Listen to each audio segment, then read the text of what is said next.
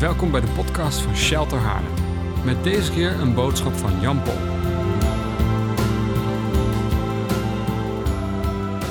Uh, dit is altijd even thuiskomen weer, dat meen ik echt. Uh, ik ben er niet heel vaak, maar Rijken ze wel vaak nog steeds. En uh, gelukkig ook een aantal van mijn kinderen.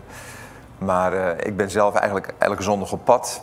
Maar dit is echt, dit blijft mijn thuis. Marijke en ik zijn al 44, nee 43 jaar niet liegen lid van deze gemeente. 43 jaar geleden zijn we deel geworden. En uh, dat zijn we altijd gebleven. En we zijn een tijdje uitgezonden geweest naar uh, Den Helder om gemeente de pionieren. Maar we bleven altijd deel van deze gemeente. Ik was ook deel van het leiderschap in die periode nog steeds. En uh, ik vind het altijd heerlijk om hier te zijn. Ik voel me echt thuis. Dit is, dit is mijn familie. Dat ervaar ik echt zo. Ehm, afgelopen weekend had ik ook weer opnieuw een stukje ervaring van een, een ander soort familie waar ik deel van ben, met Marijke samen. En dat is uh, Vrij Zijn, Vrij Zijn Conferentie. Uh, dat mag ik nu al 14 jaar doen. De, de, met name de weekenden dan, Vrij Zijn Weekenden. Die een paar keer per jaar worden georganiseerd. En dat is altijd overweldigend. Ik kom er bijna altijd helemaal bek af ook vandaan. Dat is best heel, heel intensief. en nu ook weer. Maar we kwamen er anders vandaan. op zaterdag had, kreeg David de Vos op zijn hart om Marijke en mij te eer in het zonnetje te zetten. En uh, dat was zo ontroerend mooi. En uh, dat heeft ons zo ontzettend diep geraakt. Gewoon, er werd wel een minuut of tien genomen. En dingen over ons gezegd werden, waar, over ons gebeden werd. En uh, met name in het seizoen waarin ik op dit moment zit, was er voor mij zo enorm troostrijk en, en zo bijzonder. Dus we kwamen, vervuld kwamen we thuis gisteren aan het begin van de avond. En toen dacht ik, ja, wat, uh, wat ga ik vanavond doen om dit vast te houden? Uh, kan, kan ik nu Ajax PSV gaan kijken? maar ik was weinig hoopvol. Ik dacht van, ja, dat is misschien niet zo wijs om, om te doen. Dan krijg ik weer een kater. ik dacht, ik heb de nieuwsbrief van Shelter nog niet gelezen. En oh, er staat een blog van Walfried. Word ik daar vrolijk van, een blog van Walfried. en ik werd van die blog van Walfried werd ik enorm vrolijk. En uh, daar ga ik ook zo meteen wat uit, uh, uit voorlezen als u niet erg vindt. Ja, dat vindt u niet erg. Wie heeft die blog gelezen trouwens? Er wordt wel, oh, best wel mensen die het lezen, gelukkig maar.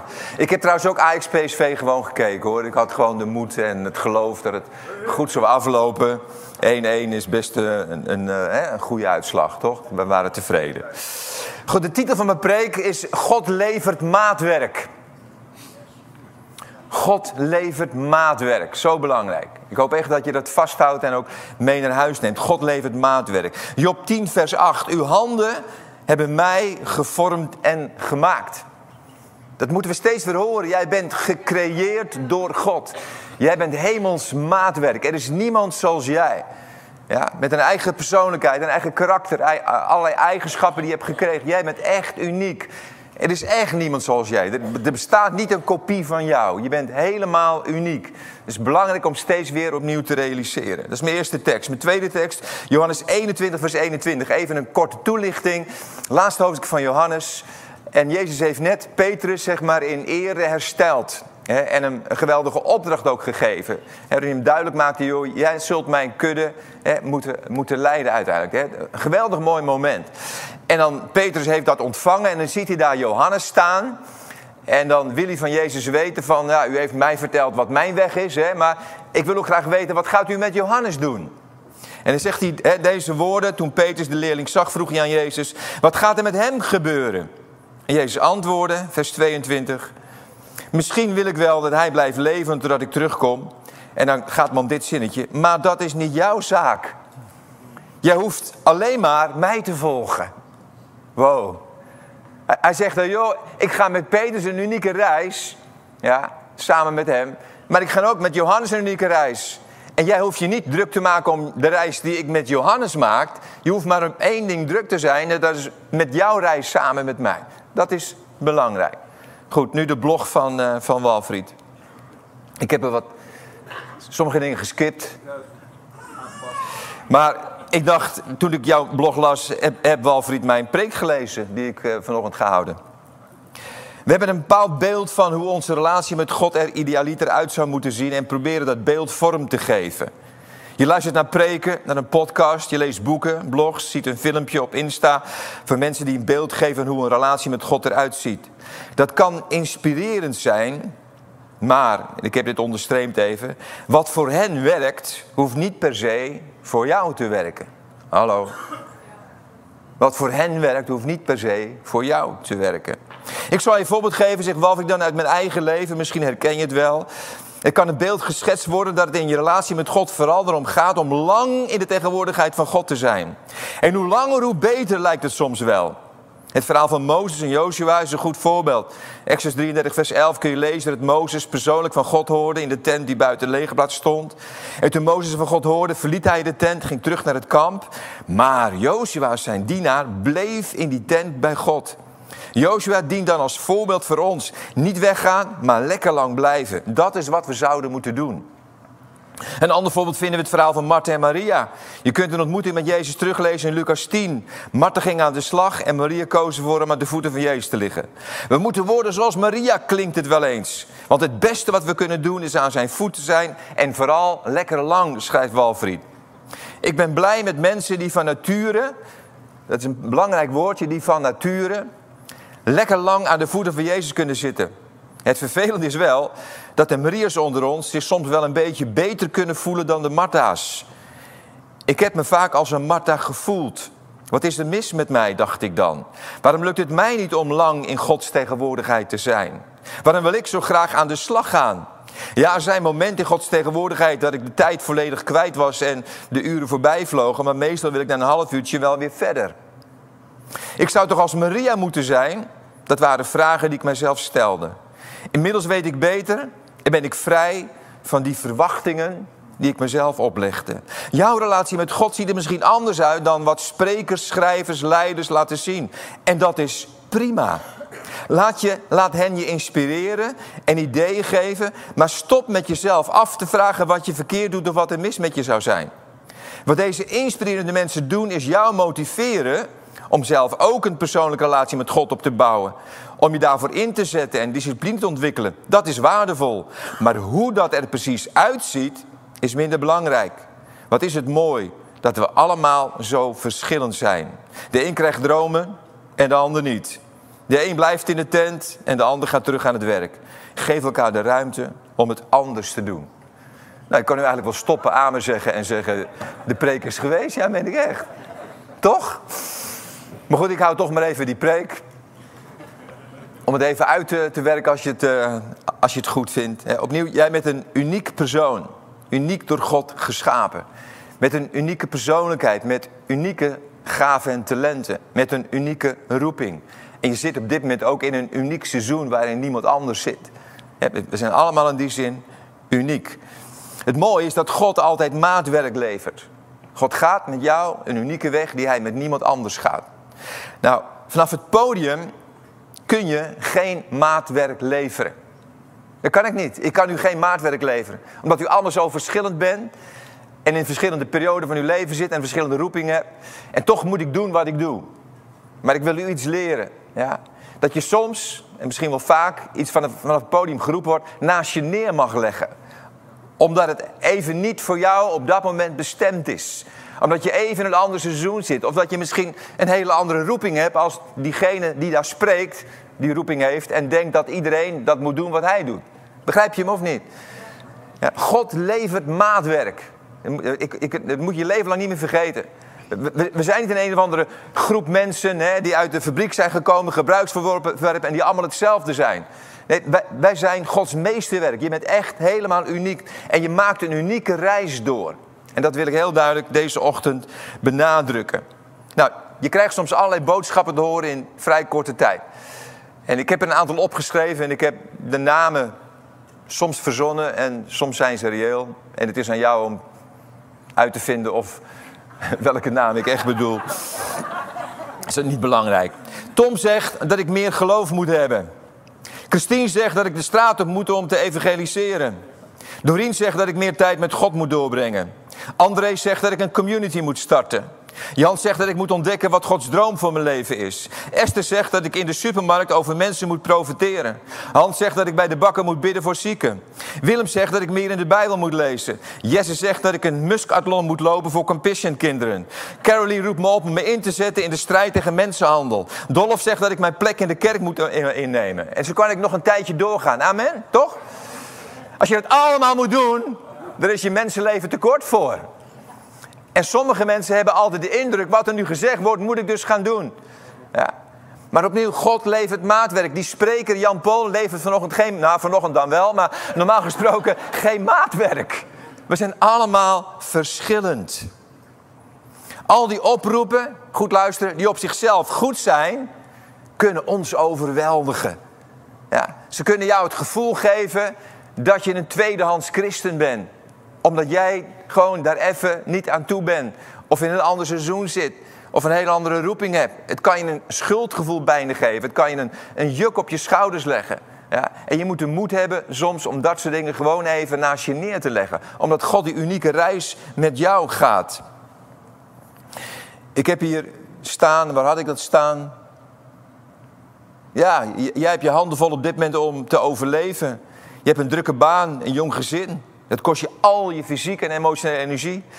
En er wordt er op dat moment van alles, denk jij, van je gevraagd. Nou, soms is het ook zo, maar in de meeste gevallen bedoelt die spreker niet dat je dat allemaal moet doen. Maar hij wil je gewoon, zoals Waffie zei, inspireren. Ja, hij wil ons inspireren met iets. En hij moet ook zijn ding doen, hè, wat God tot hem gesproken heeft. Maar opnieuw, het geldt niet altijd voor ons allemaal. We zijn allemaal verschillend. Ik ga naar drie aspecten met je kijken. Je hebt een unieke persoonlijkheid, die ga ik kort behandelen. Je hebt een unieke roeping.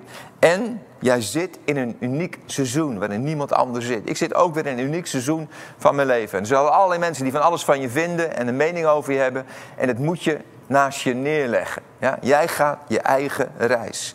Jij hebt je eigen roeping. Ja, jij hebt je eigen persoonlijkheid en karakter. Nou, nummer één, je persoonlijkheid je karakter. We hebben allemaal een unieke persoonlijkheid. Definitie van persoonlijkheid, goed luisteren. Persoonlijkheid heeft betrekking op de kenmerkende individuele verschillen tussen mensen in de manier waarop ze denken, zich voelen en zich gedragen. Nou, je, je hebt dagen nodig om hè, onderwijs te kunnen geven over persoonlijkheden. Ik, ik pak er maar één aspect uit en ook nog een keer heel kort, maar gewoon om je even daarop te wijzen. Ja, je hebt introverte mensen en je hebt extroverte mensen. Dat is een van de vele persoonlijkheidskenmerken, maar één die wel erg herkenbaar is. Introverte mensen, extroverte mensen. En ik weet ook wel dat niet iedereen, zeg maar, helemaal extrovert is of helemaal introvert is. Je, je hebt mix en zo ook, omdat we allemaal uniek zijn. Maar over het algemeen kun je jezelf wel klassificeren tot een extrovert of een introvert. Toch of niet? Wie, wie zichzelf als een introvert? Steek je hand op. Wie zegt, ja, ik ben eigenlijk wel introvert. Ja. En wie is er dan? Ja, is de rest dan extrovert? Er zijn heel veel extrovert hier, zeg, in deze kerk. Ja. Wat zou ik zijn? Ben ik een extrovert of een introvert? Een? Extrovert. Heel veel mensen denken, ik. Ik ben echt, ik ben echt introvert. Ja, wat uh, ik ben introvert. Ik heb hier wel een extroverte component, hè, maar dat is, dat is de roeping en salving van God om mijn leven. Maar ik, ik ben in mijn dagelijks leven echt, ik ben een introvert. Ja, nou, ik ga iets vertellen over de introvert en daarna over de extrovert. Een introvert is naar binnen gericht. Als je introvert bent, haal je energie uit jezelf. Uit alleen zijn. Uit gefocust met iets bezig zijn. Je krijgt absoluut geen energie van heel veel mensen om je heen. Dat, dat, dat, is, dat is gewoon, dat is overdonderend kan dat voor je zijn. En dan word je bek af van. Dan heb je weer behoefte om alleen te zijn. Dat is wat een introvert graag wil. Je bent graag alleen en laat je op hè, door in je eentje ergens mee bezig te zijn. Je kunt heel geconcentreerd werken en wordt daarbij liever niet gestoord. Ja, geconcentreerd met iets bezig zijn. Je kunt gemakkelijker één op één gesprekken voeren dan gesprekken in groepen. Je bent niet zo van de small talk. Ja, dat, dat, dat, dat, kan je op de een of andere manier, hè, zo van over van alles uh, kletsen en zo. Je, je, wil graag hè, de, de, diepte in. Je wil graag een echt gesprek met iemand voeren. Dat is een beetje het kenmerk van introverten. Nou, opnieuw kan er maar heel kort iets over zeggen. Er, er, is genoeg literatuur. En als je googelt, als je meer wil weten over introvert zijn of extrovert, dan is dat te vinden. De extroverte mensen zijn gericht op de buitenwereld. Ze krijgen energie van gezelschap Mensen om hen heen. Vinden ze heerlijk, vinden ze fantastisch. Dus ze hebben de neiging ook om heel veel erop uit te gaan. En, en mensen op te zoeken om daarmee op te trekken. Je legt gemakkelijk contacten met anderen. Jij bent goed in social talk. Je komt levendig en spontaan kom je over. Je bent ook graag aan het woord. Jezelf laten zien en je laten horen vind je fijn. Je bent goed in presenteren, ook voor grote groepen. En je neemt mensen mee in je plan. Ja, allemaal verschillende dingen die we zien bij introverten en extroverten. Ja, en het is niet dat het een goed is of het ander slecht is. Introverte mensen, ja, als ik nu tegen u ga zeggen, we gaan nu over elkaar profiteren, dan hebben de extroverte mensen zoiets van yes. Maar de introvert, die slaat dicht. Die kan op dat moment, ja, die, die vindt het niet fijn. Ja, en ook als je in een ander seizoen zit, hè, je hebt net een verlies meegemaakt of iets, hè, je zit hier eigenlijk zo van, hè, ben je er niet aan toe. Maar verschil introvert, extrovert ook. Een fire tunnel vinden de extroverten helemaal fantastisch. Introverte mensen niet. Die vinden het lastig om door zo'n tunnel te gaan en, en weet ik wat. Ja. Het is belangrijk om dat te erkennen van elkaar en altijd de ruimte aan elkaar te geven om jezelf te mogen zijn. Je mag jezelf zijn. Je bent mooi zoals jij gemaakt bent. Wil je dat vasthouden? Wil je niet dat stemmetje tot je door laten dringen... die jou wijs maakt dat jouw persoonlijkheid niet goed zou zijn? Nee, je bent zoals je bent. En dat is het. En daar moet je blij mee zijn. Zo heeft God je gemaakt. Dus je persoonlijkheid is enorm belangrijk. Het tweede, je hebt allemaal een unieke roeping. Iedereen hier, niemand uitgezonderd, is door God geroepen. En het woordje roeping, dat komt altijd wat groots over. Ik ga het zo meteen heel klein maken. Ja, dat is het gevaar van roeping. Oh, roeping, hè? dan denken we hè, aan grote mannen en vrouwen van, uh, van God. Maar iedereen die hier zit, is door God uiteindelijk geroepen. Ik hoop dat je dat beseft. En misschien denk je, Jan, maar ja, ik joh, hè, je voelt je onbeduidend en wat ben ik waard en dat kan ik niet. Nou, hè, dan kunnen we elkaar een hand geven. Ik heb het heel lang gehad dat ik dat voelde van, hè, ik een roeping, maar dat kan ik niet. En dat durf ik niet en weet ik wat. Maar je bent echt geroepen door God. En als ik in de Bijbel kijk, dan zie ik dat God geen volmaakte mensen roept. Nergens in de Bijbel. Dat kan ook niet, want die bestaan niet. Ja. God roept altijd onvolmaakte mensen. Soms zondige mensen. Echt waar, die roept hij in de Bijbel. Eigenaardige mensen waarvan wij denken, hoe heeft hij dat ooit kunnen doen? Ik had die keus niet gemaakt. Er komt hij, ik zal even een rijtje aan je geven. Ik heb er even over nagedacht, daar komt hij hoor. Abraham was oud. Mozes stotterde. Gideon was onzeker. David ging vreemd. Elia was suicidaal. Jefta liep rond met een trauma. Jeremia was depressief. Naomi was een weduwe. Petrus was impulsief. Thomas had zo zijn twijfels. Paulus voelde zich zwak en onwaardig. En Timotheus was verlegen en timide. En toch koos God al deze mensen uit. Hij riep ze om iets voor hem te doen. En zo zijn wij ook door God geroepen om iets voor hem te mogen doen.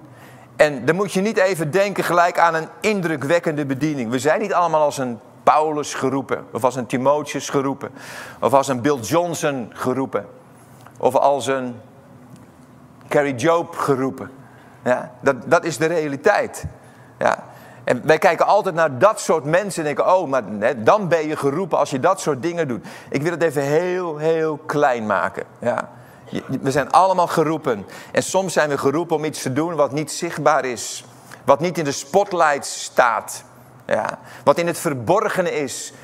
Maar dat kan net zoveel waarde hebben als hetgene wat wel in de spotlight staat. En wat wel groot uiteindelijk lijkt. die, die verschillen ga ik je proberen duidelijk te maken. Vaak gebeuren, heb ik dik gedrukt neergezet gisteravond, vaak gebeuren juist achter de schermen de belangrijkste dingen.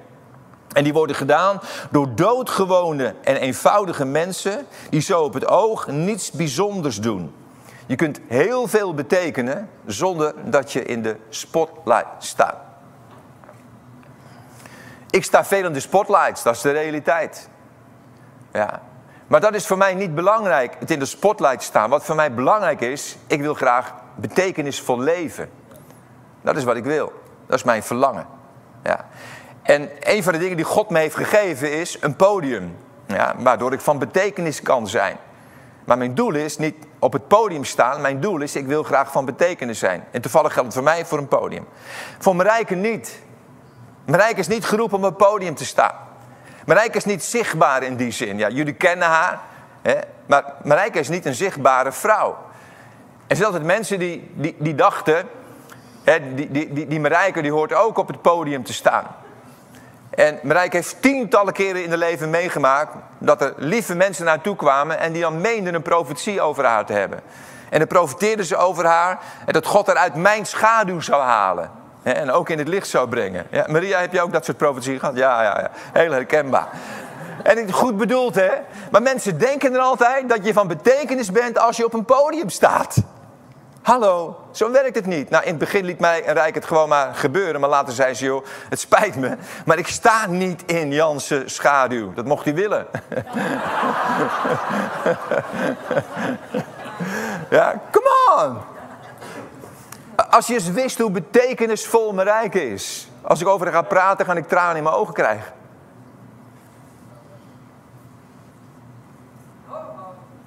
Voor mij.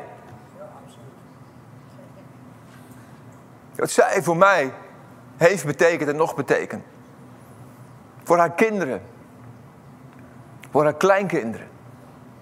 Voor anonieme mensen. En loopt ze ergens rond in de samenkomst en dan ben ik er even kwijt en dan krijgt ze gewoon een woord voor iemand. Anoniem, niet vanaf een podium, geen profetie. En dan gaat ze even met iemand in gesprek en dan profiteert ze over. Ik heb, ik heb het wel eens met, met leidersmeetings. Hè, dan, dan spreek ik daar. Dan ben ik de man in de spotlight. De man op het podium. En tijdens de koffie of tijdens de lunch, dan, dan zie ik er wegschuiven naar iemand, naar zo'n leider. En dan denk ik, oh oh, er gaat wat gebeuren. Ja. Nee, eh, gesprek, heb ze iets op haar hart, weet ik wat. En dan zie, dan zie je zo'n leider ook vaak in tranen uitbarsten. En soms komen ze dan niet terug op de samenkomst die ik leid, op mijn sportleid. Dan blijft Marijke nog even met zo iemand praten. Marijke is op de achtergrond zo ongelooflijk belangrijk. Zo betekenisvol. Ja. Gewoon in haar, in haar eenvoud. En dat is zo ontzettend belangrijk. Dat we dat ook gaan zien en dat we niet van elkaar allemaal verwachten dat we allemaal die microfoon moeten en allemaal in de spotlight moeten staan. Nee, jij mag gewoon zijn zoals je bent en op die manier in je eenvoudig leven ook betekenisvol leven. Straks kom ik daar nog even op een prachtige manier op terug. Nou, dus wat je moet doen is, jij moet in je roeping wandelen. Maar wat is mijn roeping, Jan? Ja, daar kan ik je niet antwoord op geven, dat moet je zelf ontdekken. Maar ik, ik, ga wel je proberen te helpen. Die roeping, dat heb ik hier wel eens eerder gezegd. het makkelijker woord om dat duidelijk te maken is... dat is het geschenk wat jij van God hebt gekregen... wat je aan een ander mag geven. Dat is jouw roeping. Gewoon heel klein. Je hebt iets van God gekregen... Allemaal, soms meerdere dingen. En die mag je gewoon geven aan een ander. Ik ga, ik ga het zo meteen uitleggen. Romeinen 12, vers 4 tot en met 6 zegt... Het lichaam is één geheel, maar het bestaat uit veel delen. Ja. En al die delen hebben een eigen functie. Opnieuw die uniekheid. Ze hebben allemaal een eigen functie. Want God heeft aan ieder van ons een bijzonder geschenk gegeven, zegt de BGT dan. Mooi, hè? En dan legt hij dat uit, hè? En, en worden dat gaven genoemd. En, en er worden zeven gaven genoemd, hè? Daar komen ze even op een rijtje. En dat is gewoon een, een van de geschenken die je kunt hebben. Maar er zijn er meer, maar deze pak ik even. Profetisch zijn wordt daar genoemd. Bemoedigen, geven, onderwijzen, dienen, leiding geven, barmhartigheid. Ze zijn allemaal ongelooflijk belangrijk. Nou, stel je nou eens voor. Er zijn hier zeven mensen onder jullie. En die hebben alle zeven een verschillend geschenk gekregen. Een van deze geschenken, die hier staan beschreven. Gewoon helemaal, dat is jouw geschenk. En je zit in een restaurant met z'n zevenen. Bij Van der Valk. Nou, ik mag geen reclame maken bij een restaurant. En je zit er met elkaar ja, je eten is besteld, je zit te wachten op het eten, je klets gezellig met elkaar. En dan komt de serveerster komt aan en die serveerster, een beetje onhandig, die struikelt. Ja, en die valt met haar blad op de grond, met al, met al het eten. Theoretisch kun je zeven verschillende reacties zien op dat moment. Wist je dat? Wat doet de dienaar? Die staat op en begint gelijk de rommel op te ruimen. Toch? Dat is je eerste reactie. Oh, die rommel opruimen. Maar degene die barmhartig is, die, die loopt naar diegene toe. Oh, heb je jezelf pijn gedaan? Ja? Oh, wat, wat, wat zielig joh. Degene die leiding geeft, Ja, die observeert, die zegt, joh, als jij er even helpt de rommel op te ruimen en jij kijkt naar de knieën, weet ik wat, die gaat, die gaat leiding geven. Weer een ander, hè, de, de, degene die geeft, die zal denken: Oh, dat is ook sneu voor het meisje. Laten we straks na afloop maar een flinke fooi aan haar geven als troost. Dat is, de, dat is de gever. De bemoediger zal zeggen: Sta op, je kunt het. Ja? Pak opnieuw een dienblad. Ja? Je, kunt het, joh. De onderwijzer zal zeggen: Ja, joh, je deed het ook verkeerd. Zal ik je even uitleggen hoe je zo'n dienblad moet gebruiken? En, en de profeet die zegt: Ja, dat zag ik al aankomen. Oh. Stel je voor dat die dienaar die ander verwijten loopt te maken. Jij moet hetzelfde doen als ik. Jij moet ook de rommel opruimen. Nee. Pak je hem of niet? Jij moet het geschenk geven wat jij hebt gekregen aan diegene. Zo eenvoudig is het. Het is niet zo moeilijk. Jij hebt een geschenk gekregen en dat mag je uitdelen. En dan leid je een betekenisvol leven. Nou, als laatste, we zitten allemaal steeds opnieuw in unieke seizoenen van ons leven. Wist je dat? We zitten in unieke seizoenen. Ik zit ook weer in een uniek seizoen. Ik vind het een lastig seizoen waarin ik zit. Ik ben er heel eerlijk in. Een heel lastig seizoen. Ik zat in een seizoen, weet je, waarin ik zo blij was met alles wat ik, wat ik allemaal kon doen en mocht doen. Daar ben ik eerlijk in. Ja, veel spreken vind ik leuk. En ik vond het ook best wel heel erg leuk, dat zal ik, zal ik eerlijk zijn, dat ik zoveel contact in het land heb en voor heel veel leiders een mentor, een vader mag zijn. Vind ik, vind ik geweldig, vind ik mooi, vind ik eervol. Prachtig om te doen. En ik deed het met zoveel plezier. Maar ik merkte afgelopen half jaar dat ik moe was en moe bleef. Dat heb je wel eens, hè, dat je moe bent. En dat ik dacht, uh, jongens, het wordt me eigenlijk te veel allemaal ik wil eigenlijk wel wat rustiger aandoen. En ik zit al 35 jaar in de trein van de bediening met Marijke. Je staat altijd aan, bent altijd aan het geven, voelt je altijd verantwoordelijk. En ik dacht van, ik neem maar even één of twee maanden, gewoon even, even niks. Alleen mijn spreekbeurten, dat vind ik leuk. Maar even geen gesprekken. Even niet, daar, daar was ik even gewoon te moe voor. Dus ik heb twee maanden vrijgenomen. En toen in de maand december viel ik in een, in een depressie. Ik, ik was zo moe. Ik, ik werd depressief. En dat was niet leuk. Dat was echt niet leuk. En ik begon na te denken over mijn leven. En ik denk, ik word in maart, 10 maart word ik 70 jaar. En dan ga je zomaar denken aan ook de eindigheid van je leven. En ik denk, ja, het stopt een keer, hè. Allemaal. Hoe lang heb ik nog? Hoe lang heb ik nog in de bediening? Hoe lang mag ik nog van betekenis zijn in dit leven? Hoe lang mag ik nog daarin functioneren? En ja, in die periode zat ik, nou, de maand december was zwaar, is een lood zwaar, ook voor mijn rijken. Ik zat continu in mijn grotje. Maand januari kwam er wat licht. Ik had ook een woord gehad van Martin Korenstra, wat heel hoopvol was. Hij wist niets van mijn situatie begin december. Hij zei, Jan, ik zie een donkere wolk boven je en er komt regen uit. Hij zegt, en uh, je hebt de neiging om die wolk weg te sturen, om er tegen te vechten, om er tegen te strijden. Ja, maar ik geloof dat God zegt dat je die wolk zijn werk moet laten doen. Ja. Je, je, je moet, hij moet tot de laatste druppel moet hij uitregenen. En dan gaat de lucht weer opklaren. En dan komt er licht en dan komt er een nieuw seizoen aan. En dat is ook letterlijk gebeurd. Dus afgelopen week ervoeren we echt Temmerijk. Ook, ook profetisch dat we, dat we uit de tunnel kwamen, dat we in het licht kwamen.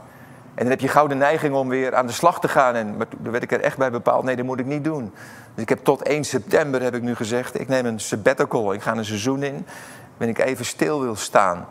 Even, even niet eh, continu aan wil staan. Maar ik neem een sabbatical. Waarom? Omdat ik geloof dat God nog steeds een roeping voor me heeft, een plan met me heeft. Ja, voor nog een seizoen. Tot oud, ik weet het niet, dat zie ik wel. Dat geloof ik. En daar wil ik me ook op voorbereiden. Ik wil ook van hem horen, wat moet ik nu wel doen en wat moet ik niet doen. Ja, ik, ik heb een grote valkuil en dat is dat ik altijd wil voldoen aan de verwachtingen van andere mensen. En als die verwachting er is bij, bij leiders, dan wil ik graag, dat is gewoon mijn hart, daar wil ik graag helpen. Ik dacht altijd dat people pleasing was. Maar bereik zegt de laatste jaren, nee liever, het is geen people pleasing. Je houdt oprecht heel veel van mensen, van leiders. En je wil ze graag helpen. Maar je moet je eigen grenzen wel leren bewaken. Ja.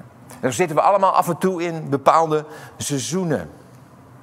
Je hebt ook een seizoen vaak van voorbereiding op iets.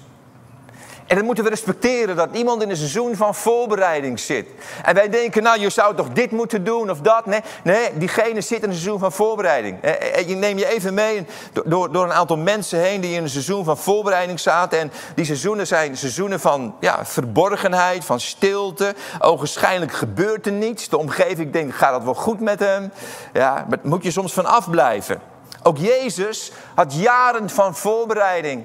Weet je hoe lang Jezus voorbereidt op zijn bediening van drie jaar? Hij heeft met drie jaar gefunctioneerd, hè? Drie jaar maar. Dat was het. Ja. 30 jaar is hij daarop voorbereid. Wat, wat is er dan gebeurd, Jan? Ja, dat weten we niet. Nou, wel iets. Jezaja spreekt erover, hè, profetisch. Dan zegt Jezaja in Jezaja 49 vers 2...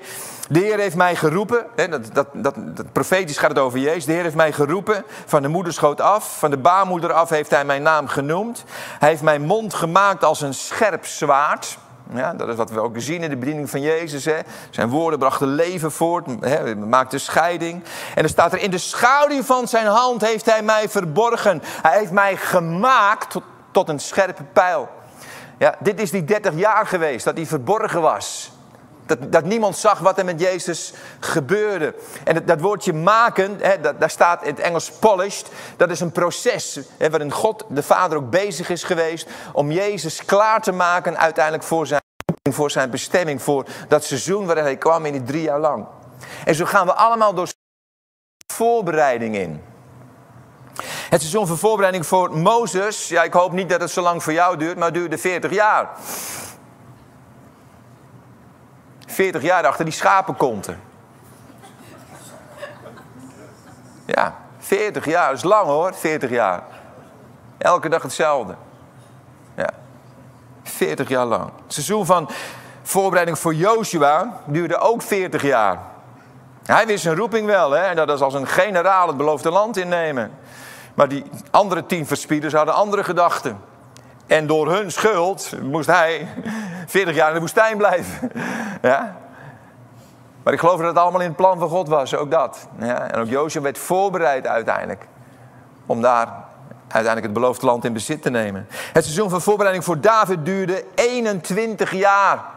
21 jaar tussen de zalving en de belofte dat hij een koning over Israël zou zijn. Hij is eerst nog even koning alleen over Juda geweest. Maar, maar het duurde uiteindelijk 21 jaar voordat alles was vervuld. Voordat hij werkelijk in dat woord van God wandelde. 21 jaar van voorbereiding. En ik had niet graag in de schoenen van David gestaan hoor, in die tijd van voorbereiding.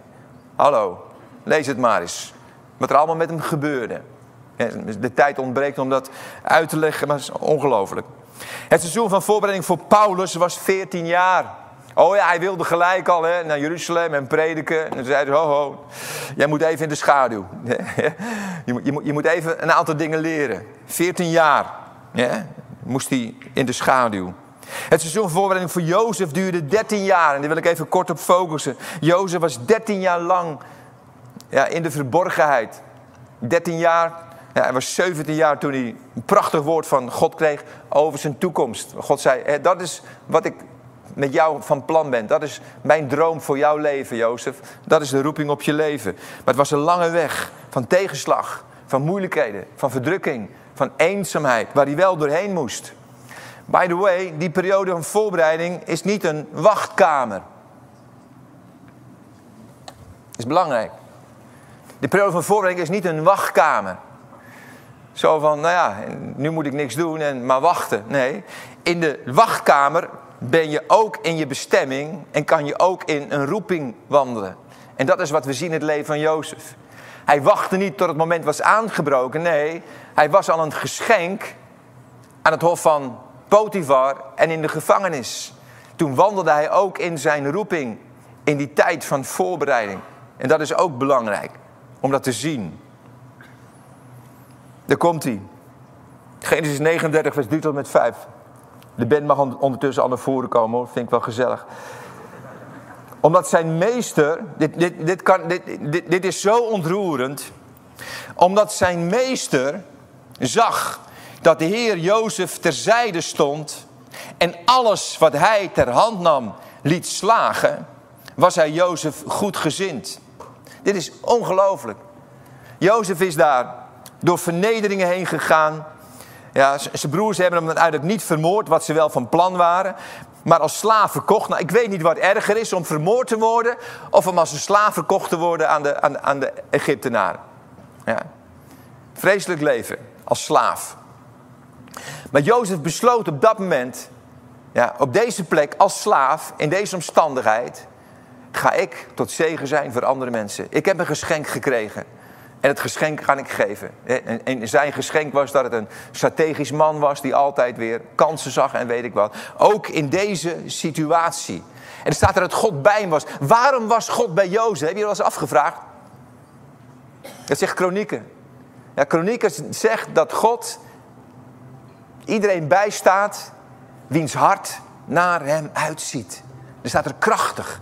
God zal iedereen krachtig bijstaan die met heel zijn hart naar hem uitziet. Dus Jozef heeft in die periode ja, daar als slaaf toch uitgezien naar God. En God was bij hem. En God zegende datgene wat hij, wat hij deed. En er staat er dat, dat, dat Potifar liet, liet, liet hem de gang van zaken en huis helemaal aan hem over. En vanaf het ogenblik dat hij hem belastte met het toezicht op zijn huis en zijn bezittingen, zegende de Heer het huis van die Egyptenaar omwille van Jozef. De zegen van de Heer rustte op alles wat hij bezat. Waarom? Omdat Jozef daar diende. En dan gebeurt er iets vreselijks. Hij wordt beschuldigd van seksueel misbruik, grensoverschrijdend gedrag ten onrechte door de vrouw van Potifar. En hij komt in de gevangenis terecht. Het wordt nog erger. Ja, die, die droom die hij ooit had lijkt nog veel verder weg. Daar in de gevangenis. Nou, jullie kennen het verhaal. Maar ook in die gevangenis was God bij Jozef. En ook in die gevangenis heeft Jozef een besluit genomen. Hier in deze omstandigheden waarin ik nu ben, in dit seizoen, zal ik opnieuw met het kleine wat ik heb tot zegen zijn. Ik zal hier ook een betekenisvol leven leiden. En dan komt hij. Er staat er dat prachtige zinnetje opnieuw. De Heere was met Jozef. De Heere was met Jozef. Dat wil hij ook met jou zijn. In elk seizoen van je leven, waar je ook zit, waar je ook doet, wat, je ook bent. Hij, hij zegt, ik wil met jou zijn, net als ik, dat ik met Jozef was. De Heer was met Jozef. En dan staat er, en bewees hem zijn goede tierenheid. Hij gaf hem genade in de ogen van het hoofd van de gevangenis. Dat is ook zo mooi, hè? Daar hoef je niet zelf voor te zorgen. Ja. Dus er zijn wel eens, er zijn wel eens mensen die, die, die hebben de ambitie om op grote podia te staan. Kap ermee. Ambitie is niet goed, meen ik echt. Verlangen is goed, ambitie niet. Ambitie ja, duidt erop dat jij ja, je best gaat doen om ergens te komen. Verlangen maak je bekend aan God. En je vertrouwt dat God jou zal brengen op de plek die Hij voor je heeft. Ik heb nog nooit en nog nooit van mijn leven, mijn vrienden weten dat, mijn rijken weten, mijn kinderen. Ik heb nog nooit ergens gesolliciteerd, ik, eh, gesolliciteerd om op een podium te komen, om ergens te mogen spreken of weet ik wat. Never en nooit. Het is de gunst van God die je in situaties brengt, wist je dat? Daar hoef je niet naar te streven. Opnieuw, je mag je verlangen. Ik heb ook mijn verlangen en mijn wensen bekendgemaakt bij God. Maar ik heb op geen enkele manier mijn mouwen opgestroopt en nu ga ik eens proberen op die plek te komen. Dat moet God doen. En dat is, dat zo ontspannen, zo bevrijdend. Dat is zo heerlijk. Dan, krijg je ook nooit concurrenten, hè? dat is ook zo mooi, hè? Wist je dat? Want, want, ja, als ik daar wil komen en ik zie een ander ook, dan wil ik die ander weg, want ik wil daar staan. Dat gebeurt er als je gaat vergelijken. Een paar jaar geleden was ik in gesprek met een, een jonge bediening die ja, best wel op leuke podia stond. Dronk een kop koffie met elkaar. En hij was behoorlijk ambitieus. Het kwam er ook uit toen ik aan hem vroeg, joh, ik zal hem even Walfried noemen. Het was Walfried niet, maar het is even makkelijk. Walfried, wat, wat, wat is nou je droom, joh? Hij zegt, Jan, ik wil de beste spreker van Nederland worden. Nou had ik tegen hem kunnen zeggen, dat lukt je niet, want dat ben ik al. Maar... Nee. En toen dacht ik, hoe kan ik hem een les leren nu? Hoe kan ik duidelijker maken dat hij nu op een verkeerd spoor zit? Want als hij de beste wil worden, wat gaat hij dan doen? Dan gaat hij zichzelf vergelijken met anderen. Toch? En er kunnen twee dingen gebeuren als je vergelijkt met anderen. Of je voelt je minderwaardig, ja? of je gaat jezelf verheffen. Ja? En er komt jaloersheid, want je wil iets bereiken. En je denkt, hé, hey, ik wil de beste worden, ik wil. En toen zei ik tegen hem, joh, Walfried, ik heb dat verlangen nooit gehad. Ben ik oprecht. Ik heb nooit het verlangen gehad. Zeg, ik heb maar één verlangen. Ik wil graag de beste versie van Jan Paul worden. Dat is zo ontspannen, joh. Ik heb geen concurrenten. Ik heb geen last van jaloezie. Ik wil de beste versie van Jan Paul worden. En de podium die God geeft is aan hem. Is niet aan mij. Wat ben ik? Hij gaf hem genade in de ogen van het hoofd van de gevangenis. En Jozef kreeg de leiding over alle gevangenen en hield toezicht op het werk dat ze deden. De gevangenbewaarder had geen enkel omkijken naar wat aan Jozef was toevertrouwd. Waarom? Omdat de Heer met hem was en alles wat Jozef ter hand nam voorspoedig liet verlopen. Jozef heeft 13 jaar lang onrecht geleden als slaaf, als gevangene, maar was uiteindelijk tot zegen. Ook wij kunnen elke situatie van ons leven uiteindelijk een betekenisvol leven leiden. En misschien zit je hier, en niet misschien, er zitten hier mensen. En je bent wellicht nooit geroepen om een grote droom te vervullen. That's reality. Ik, ik geloof niet in die mensen die roepen en ook boeken schrijven over. Ja, droom groot. Ik geloof het niet. Ik kan er ook niet tegen als ik dat hoor. We zijn niet geroepen om groot te dromen. We zijn geroepen om in Gods droom voor ons leven te stappen. Maar niet om zelf groot te dromen. The sky is the limit. Je kunt alles bereiken wat je wil. Onzin. Je kunt alles bereiken wat God uiteindelijk met je leven wil. Dat is heel wat anders hoor. Dat is heel wat anders. Je moet maar één verlangen hebben. En dat is op die plek komen waar God je wil hebben. En als het in het verborgen is, is het oké. Als het een podium is, is het ook oké. Jamie Buckingham, het verhaal heb ik hier wel eerder verteld, heeft in de jaren 60 een, een reis gemaakt door het Amazonegebied. En daar heeft hij allemaal MAF-piloten bezocht en ook zendelingen die daar gevestigd waren in het Amazonegebied. Daar heeft hij een boek over geschreven. Vliegen onder Gods commando. Prachtig mooi boek. Aangrijpend. En hij vertelt daarvan zendelingen, er waren Amerikanen, hij zocht hij was zelf een Amerikaan, die zocht hij op, die plekken. Hij zei die gestudeerd hadden, die geweldige talenten hadden, die spreekvaardigheid soms hadden. Hij zei, er waren mensen tussen dat als ze in Amerika voorganger van een kerk waren geworden, dan hadden ze een megachurch kunnen leiden. Dan hadden ze in een mooi huis kunnen leven, hadden ze welvaart kunnen hebben. Ja, van alles. En eer van mensen om hen heen. Hij zegt, deze mensen kozen voor iets anders. En hij vertelde over één gezin, zes kinderen. Een zendeling. En die leidde daar een groepje inheemse mensen. Een tiental mensen. Dat was zijn kerk. Al jarenlang. Dat was zijn kerk. En Jamie dacht, hoe, hoe kunnen ze dit doen? Ze, ze leefden ook echt op het niveau, hè? bestaansniveau van, deze mensen. Want ja, je kunt daar natuurlijk niet zitten en dan hè, helpen. Hè? Op dat bestaansniveau leefden ze ook. En, en Jamie dacht, hoe, hoe kan dat? Ze, kunnen in Amerika wonen, in, in een mooi huis. Die, die, man die kan een geweldig grote kerk leiden. En hij, hij zei, ik, ik, zag zoveel dankbaarheid. En, en, hij was aan het eten met ze. En toen dacht ik, ik wat voor geheim hebben zij? En, toen, en toen vroeg hij aan die man en die vrouw aan tafel. Hij zei, hoe, hoe kan het dat jullie zo gelukkig zijn en zo dankbaar zijn in, in deze omstandigheid. Er is zoveel meer voor je mogelijk. En toen stelde die vrouw een hele diepe vraag aan Jamie, waar hij geen antwoord op wist. Ze zei: Jamie, hoe prijzen de bloemen God? Jamie zegt: wat, wat bedoel je nou? Zegt: Ik zal zelf het antwoord geven. Hoe prijzen de bloemen God? Door te bloeien waar ze geplant zijn, ook als God alleen hun schoonheid ziet.